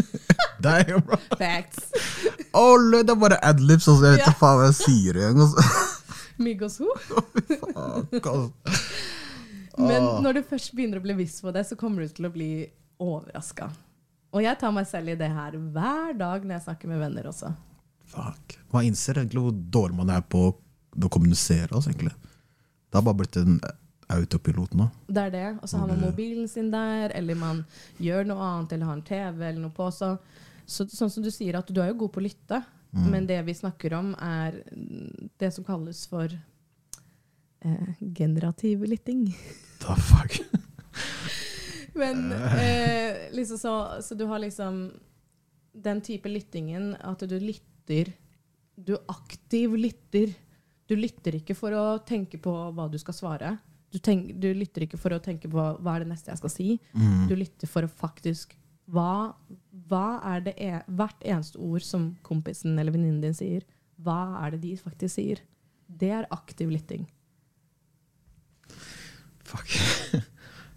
Istedenfor å også måtte føle på det at man må si noe klokt, man må si noe riktig. Man må finne en løsning. Man må svare med en gang. At man må ikke alltid fylle den stillheten. Men det er fort gjort. Man får det presset. Shit. Ja, kom til meg, jeg må gi noe ja, tilbake. ja, Ja, 100 da, da, skal jeg gi tilbake? Men også ved at du liksom tar deg tid til å ta det innover deg og faktisk aktivt lytte og ta det til deg, viser jo at du tar det seriøst. Ja, ok. If, Kanskje. get, if you get me. Ja, jeg forstår, altså. Hva tenker du om det vi snakker om? Bare ta en litt metasamtale av det. Jeg har mye, mye å jobbe med, altså, egentlig. Det er det. Lang vei å gå, altså. Men jeg tenker også, jeg er glad jeg har de samtalene, fordi det her kommer til å bare gjøre meg bedre og bedre på Eller jeg kommer til å forberede meg på disse typer samtalene. Og da blir jeg klar for, eh, når kompisen min kommer med problemer, at jeg, har, jeg er rusta opp nok til å Mm. kunne hjelpe deg. nå. Mm. Og ikke bare gi deg svar, eller Mm. Ikke det damn bro, Ja. men faktisk kunne stille ordentlige spørsmål som får deg til å tenke enda mer på problemet ditt også, som kanskje kan gi deg et annet perspektiv. Nettopp. Så mye å jobbe med, oss. Ja, og det tenker jeg at som igjen det er Ja, det kan være mye, men det kan også Du må bare starte et sted. Og Det her er, start, det her er her jeg starter. du har starta for lenge siden. Ja, men nå jeg føler jeg har en Jeg føler jeg kan få mer retningslinje. Jeg, ikke, vet hvilken vei jeg skal. For alt ellers er bare dere TikTok-videoene og sier ja, do this, fuck that. Jeg har en seriøs retning. Også. Jeg hører hvilken side av TikTok du er på. ja, det kommer så mye rart. Altså. det det? Kommer dritmye rart. Sånne menn med podkast som bare skal kaste ut Det ene og det andre. Wow. Det er så mye rare podcaster. Jeg blir flau av podcaster. Åh. Fuck, Er jeg en av de her, eller? Jeg er en av disse karene med mikrofon som bare sitter og snakker dritt. Åh. Ah, nei, men jeg syns dette her er alltid så irriterende. For jeg, min, jeg går til en coach som jeg har gått til nå i tre år, Mm. og hjulpet meg masse, masse, masse. Fordi under korona så var jeg så sykt isolert og innså ikke hvor skadelig det var for meg. Fordi jeg fikk ikke hatt de hverdagssamtalene som er veldig godt for meg, som, jeg setter, som er veldig viktige for meg. I hvert fall når jeg ikke har foreldre. Jeg har brødrene mine som jeg dør for. Men jeg hadde ikke liksom nødvendigvis de samtalene som jeg trengte i hverdagen, da, som var bra for min syke. Så jeg begynte å gå til en coach, og hun sa det til meg en gang. Hun bare sa det første steget i enhver prosess er bevissthet. Og det syns jeg er så Jeg husker jeg alltid syns det er så wack når hun sier det. For jeg er bare sånn bevissthet, hva da, liksom? Men det handler jo om å bli klar over at du, sånn som du snakker om nå, at du har nå for mange, mange, mange, mange måneder siden, kanskje enda lengre tid, Mm. har blitt klar over at jeg klarer ikke å stille opp for meg selv eller vennene mine sånn som jeg ønsker. Mm. Og jeg har lyst til å gjøre noe med det. Og det er bevissthet. Så step one er klart, da. Ja, det er ferdig! Jeg mener, You're good, honey. You're good. Du er på step tre eller fire eller noe sånt allerede. det er faen meg Det chiller. 100 steps til, altså. Men ja. Og ikke, pre ikke press. Liksom, Guled, ikke sett det presset på deg ved at det er mye igjen. Alt det skjer når det skjer. Mm. Og det her er en del av å være i 20-årene. Og uh, like a woman who's growner than you, så er, er det en så naturlig del av det. Og mange av de spørsmålene du stiller deg nå, og ønskene og ambisjonene du har for deg selv, er det mange som ikke stiller seg selv før de kanskje er i 50-60-årene. Det er ja. 100% Og vår generasjon er veldig rundt det å, å snakke om følelser og snakke om eh, Sette ord på følelsene er jo faktisk bare noe vi har begynt nylig med i kanskje nesten vår generasjon. Mm. Altså det å få diagnose for ADHD eller diagnose for ulike psykiske lidelser er jo ikke noe som Jeg har ikke noe data på det, men kan garantere deg at det var ikke noe som ble liksom så mainstream som det er før vår tid. da. Så det å snakke om følelser og det å liksom gå til psykolog og alt det som du snakker om nå, at det er så veldig i vinden og veldig trendy Det er veldig Det er Men veldig det er, det er jeg er litt redd for at det er litt for trendy. Ja, for jeg tror også det at det kommer liksom inn som en trend. da. Ja. At det kommer veldig fort inn når det kommer til massene, Mm. og så roer det seg litt. Ja, Jeg tror vi er liksom Ja? Grunnen til at jeg tenker at det, det er trenden at det blir hipt nå, det å bli bevisst på følelser og være sårbar og Jeg føler det å Problemet med det Eller jeg vet ikke om jeg kan si det er problemet engang, men jeg føler det er veldig mange som, tar, som selvdiagnoserer seg selv. 100 At ja, jeg er deprimert, jeg har angst, alt det der. mm. Noe jeg tenker egentlig er ganske vanlig, for det er mange mennesker som faktisk har det, Mm. Og som er alvorlige, men jeg føler de bare forsvinner i mengden nå. Mm. Så, sånn som det er vinterdepresjon. Jeg blir sånn her Nå kommer jeg. Er Vinterdepresjon. Det er bare mørkt, du er Ja. trøtt og sover. Men folk er veldig på det. Ah, men jeg føler det her er vinteren, vinteren. det er sånn, Ok, men du sliter med vinteren, men det er folk som faktisk sliter med livet sitt. Mm. Men de drukner i vinterdepresjon, eller Mm. ah, er bare, De drukner i alt mulig trendy shit som skjer nå. Mm. Og jeg syns det er litt problematisk. egentlig. Ja, det, Jeg er det ikke stor fan av det. Også. Og 100% Jeg kunne ikke vært mer enig med deg. fordi jeg synes sånn som du sier at det er problematisk, er veldig veldig sant. For jeg tror det er veldig Og det her tror jeg vi kunne snakket om i timevis. Mm. Altså, det er så mange ulike sider av den saken der. Men det at eksempel at folk nå kan si 'Å, jeg blir deppa av det'. Ja, det er sånne er ting. sånn, Nei, du blir bare skuffa eller irritert Ja. eller lei deg. Du blir ikke deppa. Vet du hva deppa er? Ja, bare Det er seriøst. det, er en, det er ordentlig Det er seriøst. greier. Det er dritseriøst. Du blir er ikke deppa, men du er bare Ta faen hva du er. Ikke deppa. Ikke deppa. Du er sulten, gå og spis. Bro. Ta Det D-vitamin, bro. Et eller annet. Det er ikke deppa. Gå og se Møt solen i et par timer. Men det er det som er farlig Fordi jeg kan ikke si til noen du ikke er deppa. Nei. Plutselig er fuckeren der faktisk ja, Han sliter faktisk, 100% men han får det ut ved å si 'jeg deppa pga. vinteren'. Ja. Og så skal jeg shame ham for det. Jeg kan ikke gjøre det. Nei, og Så jeg det, sånn der, jeg- må bare holde kjeft, egentlig. også. Jeg må bare, og det er uansett ikke din plass å liksom si om noen er det eller ikke. ja, det er det. Men der igjen kan du møte de ved empatien ved å stille spørsmål. Shit. Dang. You get me? I get you. you get me? Faen, det er hidden gems i episoden. Jeg vet ikke hva jeg skal kalle denne episoden, der, men jeg tror jeg må kalle noe sånn Gulen du åpner huet sitt, eller noe sånt. Jakten etter empati. Jakten empati. Hvem trenger jakten på kjærligheten? Vi trenger jakten på empati. Ja, på ekte, altså. Ring NRK. Men hvordan var det for deg å jobbe på det der eh, krisetelefonen, egentlig? Er det ikke tungt å sitte og høre på Er det ikke tungt å vise empati på den måten der så mye? Det kommer ikke til å påvirke deg. Mm, absolutt. Det var veldig tungt. Jeg gjorde det kanskje, Jeg husker ikke hvor lenge jeg holdt på med den i et år, men det var liksom under noe av det verste perioden av korona. Ja. Um, og det var absolutt utrolig tungt og vanskelig. Um, lite visste jeg at jeg egentlig selv var deprimert på det tidspunktet. Og nå Mm. sier ikke jeg deprimert for at jeg var lei meg, men jeg var oppriktig deprimert. Eh, og skjønte ikke det selv før jeg satt og hørte at mange av de som snakket, så kjente jeg meg så veldig igjen i mye av det de sa. Da. Selv om jeg hadde empati og fokus på de, så bare innså jeg mer og mer at ok, shit, nå sitter jeg og hjelper all, alle disse menneskene gjennom tøffe perioder av livet sitt, eller tøff dag av livet sitt. Men jeg trenger egentlig bare hjelpe meg selv. Da ja. Ikke sant? Litt sånn som på flyet når de sier du skal ta på deg masken på deg selv før du skal ta den på noen andre. Mm. Det jeg egentlig sitter og gjør, er å og ta på masken med alle andre mens Alle jeg andre jeg viser deg. selv, og så svimer jeg på gulvet. Ja, ok. Wow. Og det er litt sånn som jeg tror igjen som du snakker om, at du ønsker å møte opp og stille opp for kompisen din. Ja. Den eneste måten jeg tror du kan gjøre det, er faktisk å stille opp for deg selv først. Men det som er greia, jeg føler jeg faktisk stiller opp for meg selv, hvis jeg kan si det. Det hørtes rart det, altså, men Nei, nei, jeg stiller opp for meg selv. Jeg føler ni av ti, egentlig sånn 90 av av livet De fleste problemene jeg får, at jeg klarer å håndtere det selv. Eller jeg, jeg har ikke så veldig stor behov av å snakke. Jeg vil snakke, men jeg, jeg føler ikke jeg har behovet for det. Jeg skjønner. Fordi jeg føler jeg har en ganske fin løsningsmetode for ting jeg sliter med. Mm. eh, som er egentlig å bare stenge meg selv ute. Og bare gå i hodet mitt. Mm. Det er sånn jeg trives best. Så, som, det er derfor du sier koronatiden var uh, hard periode for deg. Mm. For meg det var drøm.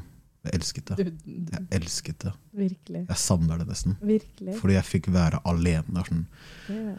Jeg kunne sitte i senga og bare se på taket, bare være i tankene. Og bare Mm. tenke på livet. Og det er der jeg trives, bare være i hodet mitt. Eh, jeg føler veldig mange som ikke gjør det. Det Så jeg føler liksom Det er. Det er en fin Jeg føler mange som eh, det sliter med ting, pleier som ofte så å underholde seg selv med andre ting. mm. Som bare delayer problemet. Absolutt. Men jeg føler da, hvis du klarer å gjøre hodet ditt til et comfort-sted, Mm. så er det egentlig ganske win-win for deg. Altså hvis du klarer å bare kjøtte deg ut og bare Mm. være i tankene. Men hvordan er det du har gjort hodet ditt til et comfort-sted, da? Som det høres ut som du har gjort? Eh, jeg tror jeg bare Eller jeg, jeg, jeg liker det. Jeg tenker mye. Mm. Eh, jeg overtenker ikke, men jeg tenker veldig mye. Mm. Eh, det har aldri vært et problem. Mm. Men jeg liker å bare space ut. Mm. Jeg har alltid likt det. Så jeg tror jeg har vært bare veldig heldig der. akkurat egentlig. Mm. Men da bare, jeg kan sitte hjemme, bare skru av PC-en opp, bare se ut. Mm. Og bare tenke, egentlig. Altså, jeg vet ikke hva jeg tenker på engang, men bare løpe fritt inn i hodet. Altså. Mm. Det, er, det er eneste stedet jeg føler jeg kan virkelig bare være fri. Mm. Det er i hodet mitt. Mm. Så jeg vet ikke helt hvordan man kan få det. Jeg er veldig heldig. Jeg føler jeg bare har hatt det. Mm. Så ikke kom, ikke kom for meg med tips eller noe sånt. Jeg kan ikke hjelpe noen i det hele tatt. Jeg beklager. Jeg har fått, jeg har fått mange sånne spørsmål. Folk spør meg sånn, ja, hvordan håndterer du stress. Og, Mm. jeg, pleier si- jeg, er ikke, eller jeg er ikke en stressende person akkurat. Nei. Eh, Stress påvirker meg ikke så veldig mye. Uh, mye av det er fordi jeg ikke bryr meg så veldig mye. Mm. Fordi jeg har andre ting å bry meg om. Mm. Men det er det folk har, jeg føler mange har fått den oppfatningen av at okay, Gud bryr seg ikke. Mm. Carefree, nonchalant. Mm. Han lever livet sitt. Ikke sant? Ja, til tider, men det, egentlig, det meste er fordi jeg har faktisk andre ting å tenke på enn det problemet her. Så jeg tror folk ser at jeg ikke bryr meg, så tenker jeg okay, han, her, han har livet hans er herlig. Han, han Mm. lever livet. Svever, liksom. Ja. Men uh, ingen vet hva du går gjennom bak lukkede dører. Også. Du har andre ting du sliter med. det er det. Så om eh, Jeg tror folk bare ser det jeg har utafor døra. Mm. Så tenker jeg ok, han er cool. Mm. Men jeg vil at folk skal ha det tanken. Ok, han har det ganske bra. Men, og den ser jeg, og det vet jeg at du har nevnt flere ganger, at du ikke ønsker at folk skal stresse over det du driver Ja. med. Men hva får det deg til å tenke når folk tenker at du bare har, en chiller, har et chilla liv og ikke Det er, det, vil det er liksom? Hva, hva får det, hva, hvordan får det deg til å føle deg, da? eh, Som oftest ganske bra. Eh, eller Hvis du ikke skal si bra. Du skal prøve å bruke noen andre ord. hvordan det, eh, hvordan det føles at folk tenker han her eh, Han svever liksom, han flyter svever liksom. og Eh, Ikke bruk bra, iallfall. Det Ikke var si ikke lett, nei. LDAK, eller det er greit. Nei, det Jeg blir Jeg syns det er mer komfortabelt at de tenker at jeg har det bra, enn at jeg har det Syns du det er riktig? Uh, Det vet jeg ikke. Ok, hvorfor ikke? Om uh, Fuck, du stiller vanskelige spørsmål. Altså. Det er derfor du ville komme hit. Ja, ok, er det riktig? Nei. Nei, det er jo ikke riktig Hvis jeg skal tenke utenfor Hvis jeg ser på meg selv fra et tredje perspektiv, så er det ikke riktig. Okay. Uh, by the book. Mm. Fordi, som du sa Fuck, jeg vet ikke, altså. Prøv. prøv. Bruk ordene, bruk ordene akkurat som du vil. Ok, Still spørsmål Ja, til og med. Men liksom, for syns du det er når folk sier at du, Gule, du, du stresser ikke, du har alt under kontroll, og du svever. Mhm. Syns du det er riktig at de har det bildet av deg? Syns du det er riktig at de tenker at du Livet ditt er en dans på roser, du svever på en ski? Uh, nei. Det er ikke riktig at de tenker det. Men jeg tror ikke Ok, Det er ikke riktig at de tenker det, men det er ikke akkurat den opp- uh, bildet jeg vil gi. Jeg vil heller gi en ok, ting plager ting påvirker ikke han. Det, Mm. han kommer seg gjennom det. Han Mm. kommer seg gjennom alt. Jeg vil heller ha den Jeg vil heller gi det bildet enn at han bare ikke har noe problem i livet sitt og bare svever. Ja. Heller at han klarer å sparke ned døra. Keep it going. Ok, jeg skjønner. Hvis dette her var en kompis av deg, da. En Mm. nær kompis av deg. Som bare får det til å virke som at alt svever, alt er dritbra. Men bak lukkede dører, som du sier, det er mye som skjer der, som du nevnte. Mm. Så viser det seg at han har det egentlig veldig, veldig tøft. Tenker du at det bildet fortsatt er riktig? Fuck. Det- Nei, det er det, det er det kanskje ikke Det er riktig. Altså. Nei. Eh, nei. Hvorfor tenker du at det ikke er riktig? Fordi hvis han faktisk går gjennom det shits bak lukkede dører, Mm. og jeg ikke vet det Mm. Jeg kan ikke hjelpe noe, eller jeg kan ikke være der for noen eller hjelpe noen jeg ikke vet noe. Mm. Så hvis det faktisk tipper over for han, så vet ikke jeg det før det er for sent. Nettopp. Er det det kanskje folk har av meg, da? Da. Det samme gjelder jo deg. Sånn som når de periodene når du egentlig, egentlig trenger kompisen dine til å At du skal tillate de å kunne vise empati for deg og stille opp for deg, Mm. så tillater du ikke de å gjøre det engang. Fordi du skal klare skitt alene. Dobbeltmoralsk? Ja. Steineglasshus, eller hva man kaller det. Fuck. Skjønner du hva Ja, jeg vil? jeg skjønner hvor du vil. Så jeg må hjelpe meg selv, for jeg kan hjelpe andre, egentlig. Ja, og Være tilgjengelig for uh, Men ja. Okay. Fordi når du snakket i sted om at du, du klarer å hjelpe deg selv, og det ser jeg at du gjør, og Mm. jeg hører jo at du har jo tror jeg er kjempeviktig å være komfortabel i sine egne tanker. Det tror jeg er kjempeviktig. Men like så mye som det å hjelpe seg selv handler også om å vite om når man kan be om støtte og hjelp. Og ikke når det er i siste liten, men heller også underveis. Hvis du har en kjip dag og bare ikke føler deg så veldig bra, det å kunne ringe en kompis og bare Nei, i dag er ikke hele dagen min. Skal de si Å ja, hva skjer? Hvorfor ikke det? Skal si nei, hatt litt kjipt på jobb, eller jeg har sovet litt lite. Å ja, ok. Er det noe du trenger fra meg? Og så det sånn, nei, jeg har bare lyst til å snakke litt om det. Ok, la oss snakke. Hva har du tenkt? Jeg, jeg vet ikke, jeg, jeg, jeg, jeg klarer ikke å se for meg det. Nei, men det er jo ikke rart at du ikke klarer å se for deg det. Det er at du har jo ikke gjort det så mye ennå. Det er akkurat som at du kan si at du Hvis du aldri har sett snø før, så kan du ikke se for deg det heller. Hvis du aldri har løpt en maraton, så kan du ikke se for deg selv løpe et maraton heller. Fuck det. Skjønner du? Eh, Da faen, altså. Du altså. Ja, men, men det er det, bare det at jeg har lyst til å Jeg har vært der så mange ganger, sånn som du snakker om at jeg skal klare meg selv, jeg skal fikse meg selv, og så kan jeg være der for alle andre. Men så er det jo veldig urettferdig at jeg skal sitte her på min høye høst, eller hva man vil si, og forvente at alle skal åpne seg mot meg, eller åpne seg for meg når jeg ikke skal åpne meg for dem. Fuck, det er, det er det. det er dickhead, altså, egentlig. Det er, det er ekte dickhead. Det er ekte egoistisk. Du Fuck! skal sitte her og dele alt med meg, men jeg skal ikke dele noe tilbake. Det er som at du Nei, Men jeg tror jeg er? What the fuck? Er det sånn? Men det trenger ikke nødvendigvis å være sånn. Men det er ikke som at du sitter Jeg har et måltid, og du har et måltid, og jeg forventer at du skal dele all maten din med meg, men jeg skal ikke dele min mat med deg. Ok, men nå jeg føler jeg veldig perspektiv her. Fordi det er ikke sånn jeg tenkte. Nei! Jeg tenker mer sånn Ikke stress av meg. Du går, ikke, ikke, ikke, ikke, ikke bekymre deg. Nei, nettopp. Men trenger du hjelp, ikke Dørene åpne her. 100 Det er heller. Men fy faen, hvis det det er det, det bildet du malte nå, hvis det er det bildet folk får av meg Og det what tror jeg ikke. Ok. Jeg tror, så ikke stress for mye nå. Jeg tror ikke det. Sitter Men- høye hester og er du gæren? Nei, nei, nei, nei, nei. hesten din er en ponni, ikke tenk. Det går bra, du sitter ikke så høyt.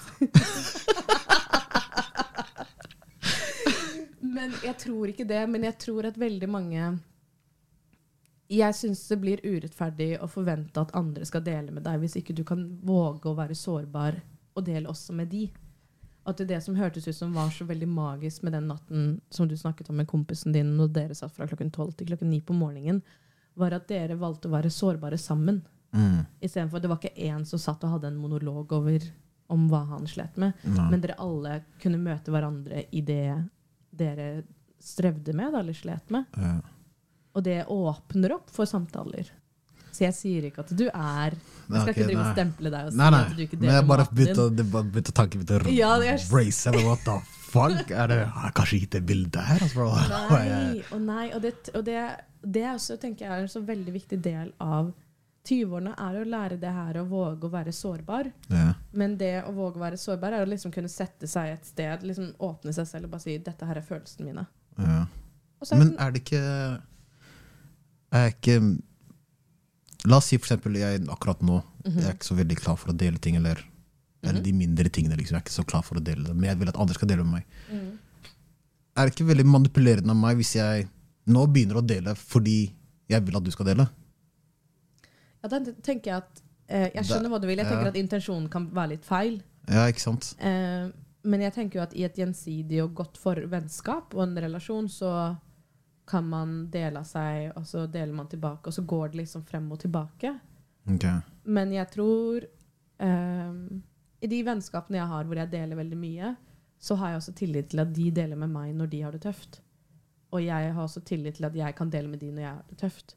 Ja. Så intensjonen min at jeg deler, er ikke nødvendigvis for at Jeg tenker ikke jeg skal dele noe for at jeg vil høre hva du sliter med. Ja. Intensjonen min er at jeg har lyst til å dele med deg for at jeg ønsker å stole på deg og ønsker å bygge relasjonen vår videre. Ok. Hva tenker du? Det er Mye, ass. Det, yeah. det surrer i hodet mitt nå. Yeah, Ja, ja.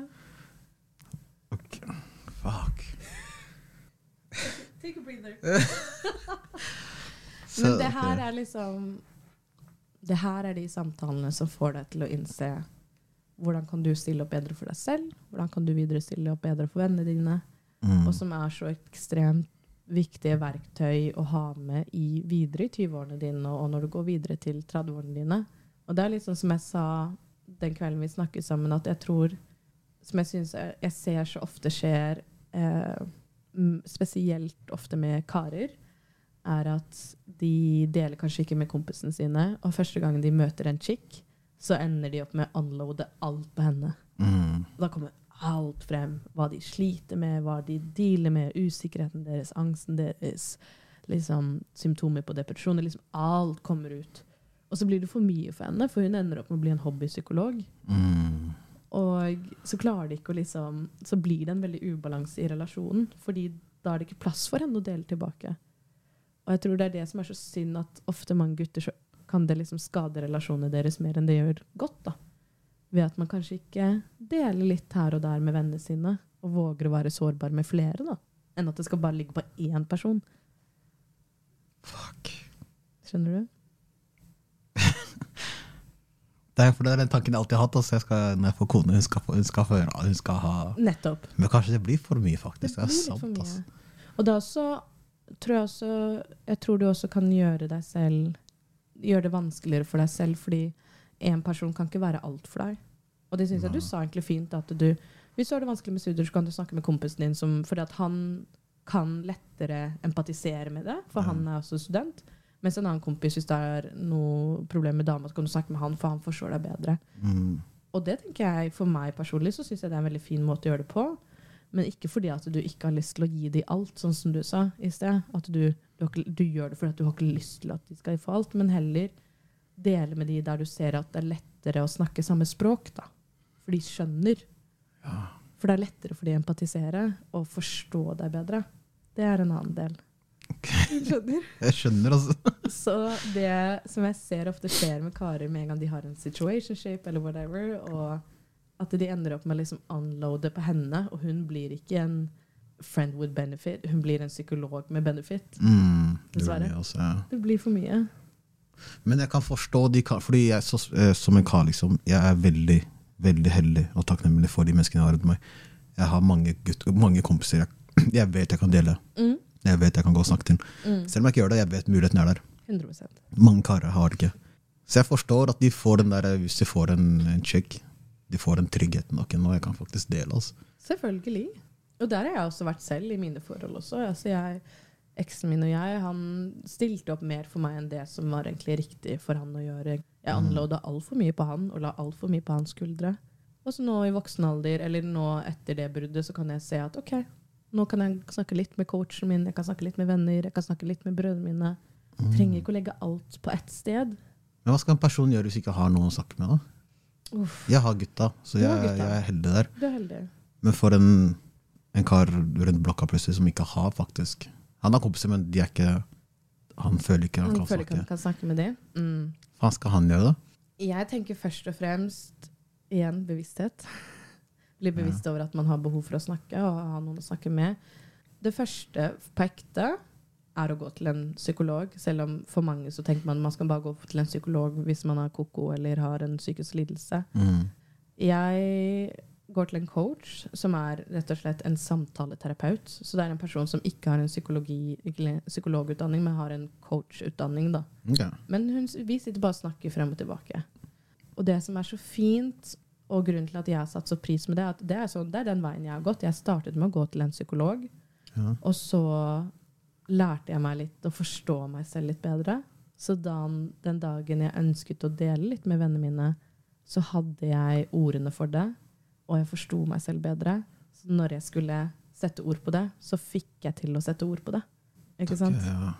Det er det igjen, sette ord på det som er vanskelig. Også. Det er kjempevanskelig. Se for deg at uh, hmm, Hvordan kan jeg forklare det? Se for deg at du har en kompis som er dritgod til å løpe. Kjempegod til å løpe maraton. Mm.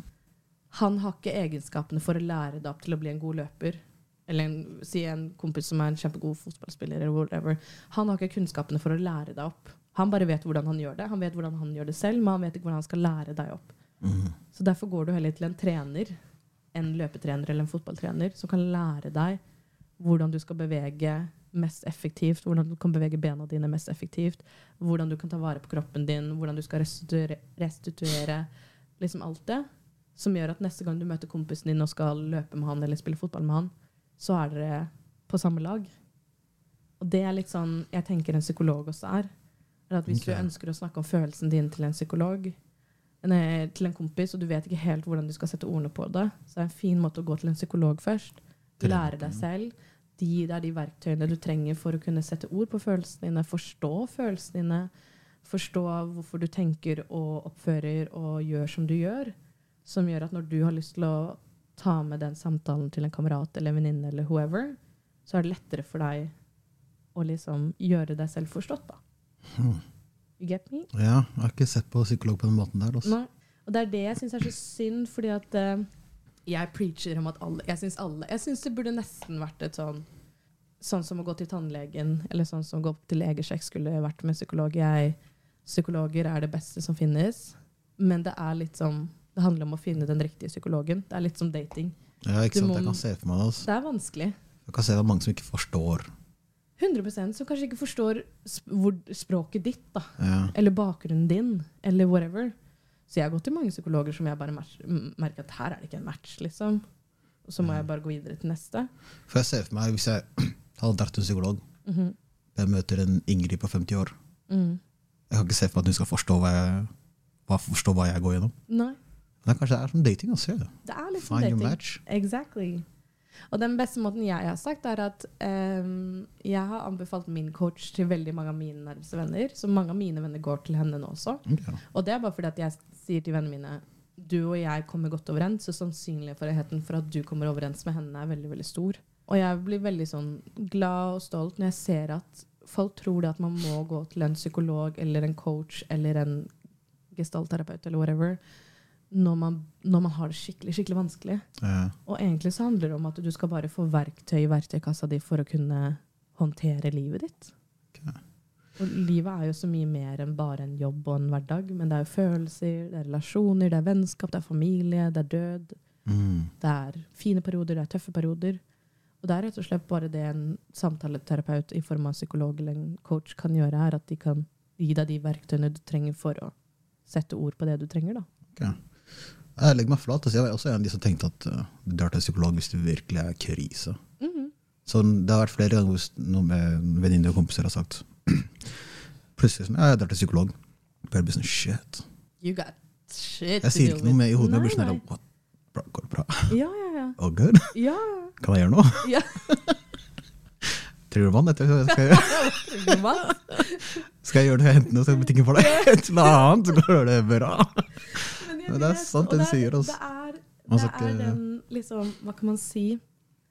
Jeg liker ikke å si at det er fordommene, men det er litt fordommer mot Mm. det å gå til psykolog. Det er det.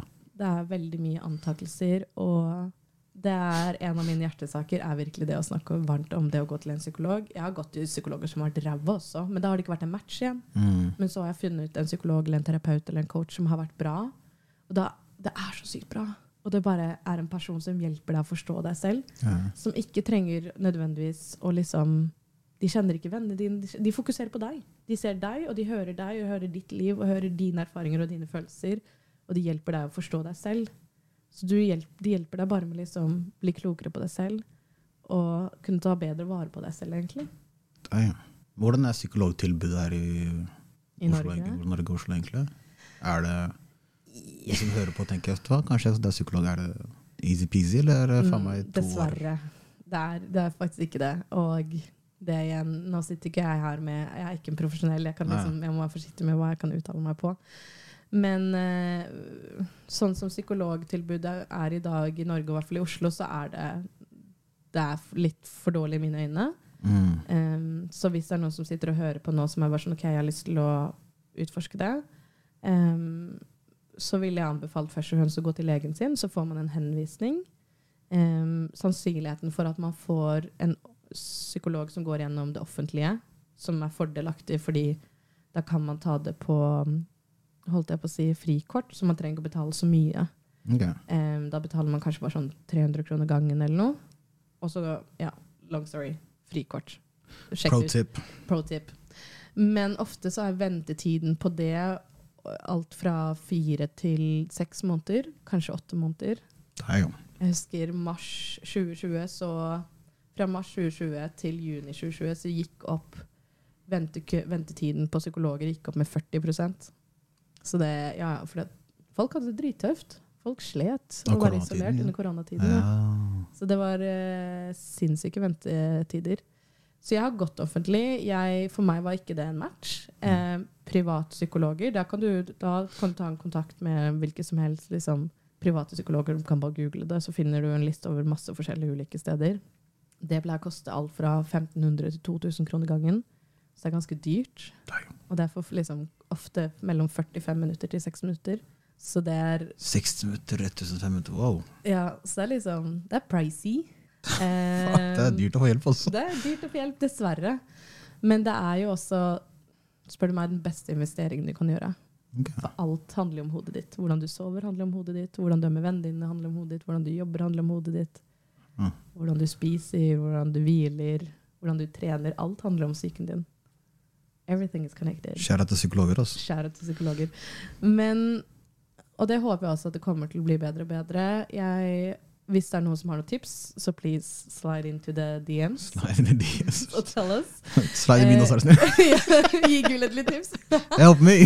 Men jeg går til en coach, og en coach er jo, som jeg sa, de er jo ikke utdannet psykologer, så hun koster jo ikke like mye. Det er jo nesten halvparten av prisen som en psykolog. Mm. Eh, men de kan jo heller ikke diagnostisere deg. Altså Hvis du går til en psykolog, så kan du få en diagnose hvis du kanskje sliter med ADHD eller bipolar eller deprimert eller whatever. Men hun kan ikke diagnostisere deg eller gi deg noen medisiner. Ja, ikke sant. Men av og til så syns jeg ofte det at bare det å være i samtaleterapi med en coach er Mm. mer enn nok. Kunne du vært en coach? Ja. Og farge, da? Mm, Veldig godt spørsmål. Jeg ser for du, hadde gjort det jævlig bra der. Altså. Ja, jeg, jeg blir jo kalt hobbypsykolog blant alle vennene mine. Ja, hvorfor Eh, du ikke det der? kanskje, kanskje en dag. Akkurat nå så føler jeg ikke det er riktig. eh, er ikke det jeg ønsker å gå videre i. Okay. Men jeg er litt eh, kanskje coach og hobbypsykolog på podkasten. Ja. Det er litt sånn mitt format, egentlig. ja, hvis jeg er coach her, så eh, meld meg på oss. Det er det bra. Men jeg fikk, jeg fikk jo lekse av deg før uh, Du fikk en her. Eh, hvorfor egentlig? Hva var baktanken leksa her, egentlig? Hvis du kan forklare folk hva leksa var. okay, Du skal forklare hva leksa var. Hva var leksen? Leksa er at jeg skulle se en film som heter Good Will Hunting. Har du sett den før? Ja, nei, faktisk ikke. Når du, når du skrev det, jeg søkte seg for trailer. Ja. Jeg bare, What the fuck er det at jeg skal se på? Ja, Tenk på det mattegeniet. Hva, hva, har det med saken å gjøre? ja, egentlig? ja. ja. Det, er på, det var jeg tror over i går natt. Jeg bare var våken. La meg se på den. Okay. Fuck, det var bra film, ass. Ikke sant? Det var bra! altså, det var dritbra. For den filmen. Det var, jeg fikk sjokk, virkelig. Jeg kunne, jeg kunne forstå han der hovedpersonen, eh, Will Hunting. Ja. Kunne forstå han på veldig mange, veldig mange ting, egentlig. Mm. Og så var det fint å se han derre psykologen Mm. som han gjorde, egentlig, han gjorde egentlig ingenting enn å bare være der. Altså. Det er det. Sånn som den ene scenen hvor han hadde en hel time de bare var helt stille. Mm. For jeg bare shit, det er jævlig bra taktikk. Altså. Ja. Vent til han snakker. ja, ja. Jeg, bare, jeg satt der og tenkte what the fuck, det er bra. Altså. Ja. Jeg er veldig, veldig takknemlig for at du sa se filmen der, for det, det ga, ga meg perspektiv på mye rart, egentlig. Altså. Det å åpne seg. Det er ikke så lett. Nei. Og det, det, putta veldig, det filmen viser det veldig fint at det, er- det er ikke lett. Altså. Hvordan var det det ga deg perspektiver, da? Det viste liksom Fordi han er Will Hunt jeg, du vet, jeg, ikke, jeg sier ikke at jeg gikk gjennom samme greie, men jeg kunne forstå Jeg forsto veldig godt hvordan han var. Mm. Eh, Det å ikke dele. Mm. Det å bare gjemme det bort og bare skyve det bort og bare Mm. fortsette videre. Være tøffe med kompisen sin. Eh. Mm. Og så så man det der, så at det var en person som så alt det bullshitet gjennom han, Mm. men bare var der. Og ikke, han pressa ikke, han gjorde ingenting. Mm.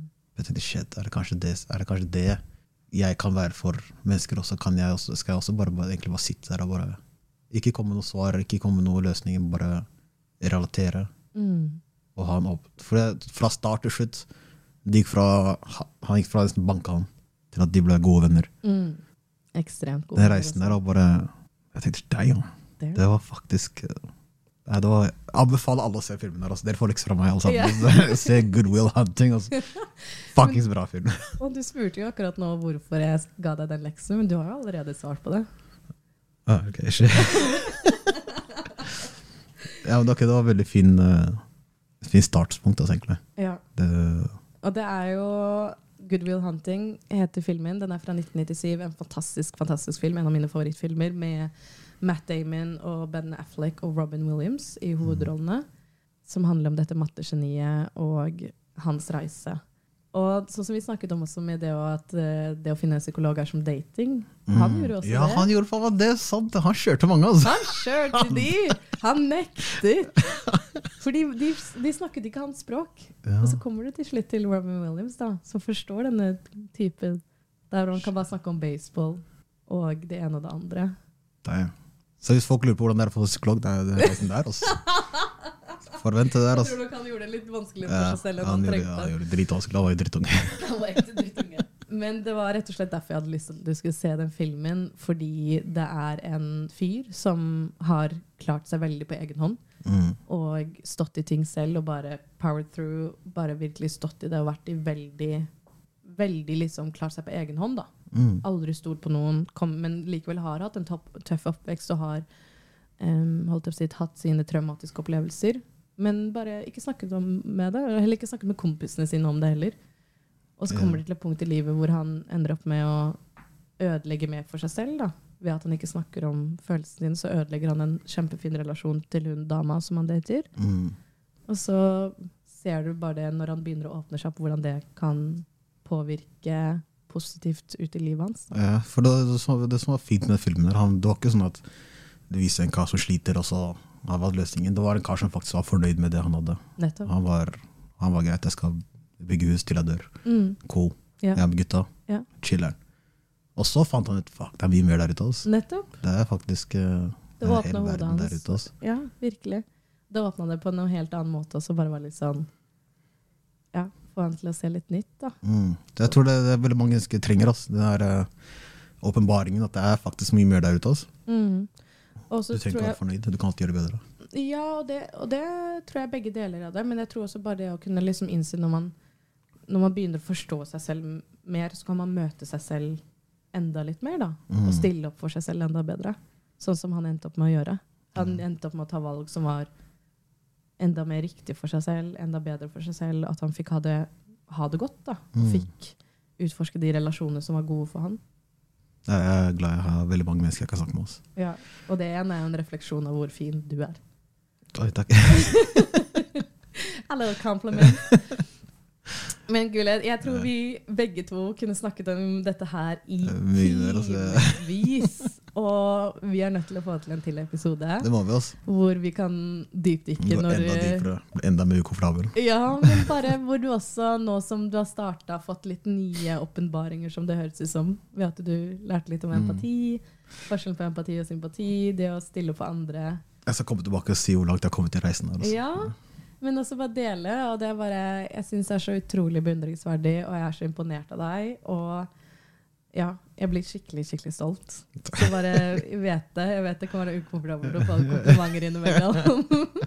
Men bare vit det. Jeg synes du gjør Jeg er skikkelig imponert av, Takk. deg og den styrken du har ved å våge å ta de samtalene selv om du ikke vet helt hvordan du skal sette ord på det. Det syns jeg er Jeg setter stor pris på. Takk. Så med det så må jeg bare si tusen hjertelig takk for at du har vært med på episoden. Hvordan har det vært? takk. Det har vært uh, jævlig slitsom episode. Egentlig, det her har aldri blitt utfordra på den måten her. Jeg har aldri tenkt så mye en episode, tror jeg. Nei. Hvor jeg, som oftest, den podkasten jeg driver med, er sånn jeg bare snakker, bare, bare snakker piss. Men det her er første gang jeg føler at jeg må tenke på svaret, faktisk. Altså. Jeg har Ja. ikke svarene. Nei. Så, hm, hva er det egentlig jeg tenker om det her? Og jeg lar deg ikke ikke svare. Ja, det var sånn det var. Det var noen ganger jeg håpa jeg bare la det slide. Nei, jeg bare fuck Jeg tok det tilbake igjen. Hvor er adlibsa når vi trenger dem? Hvor er deg, ja?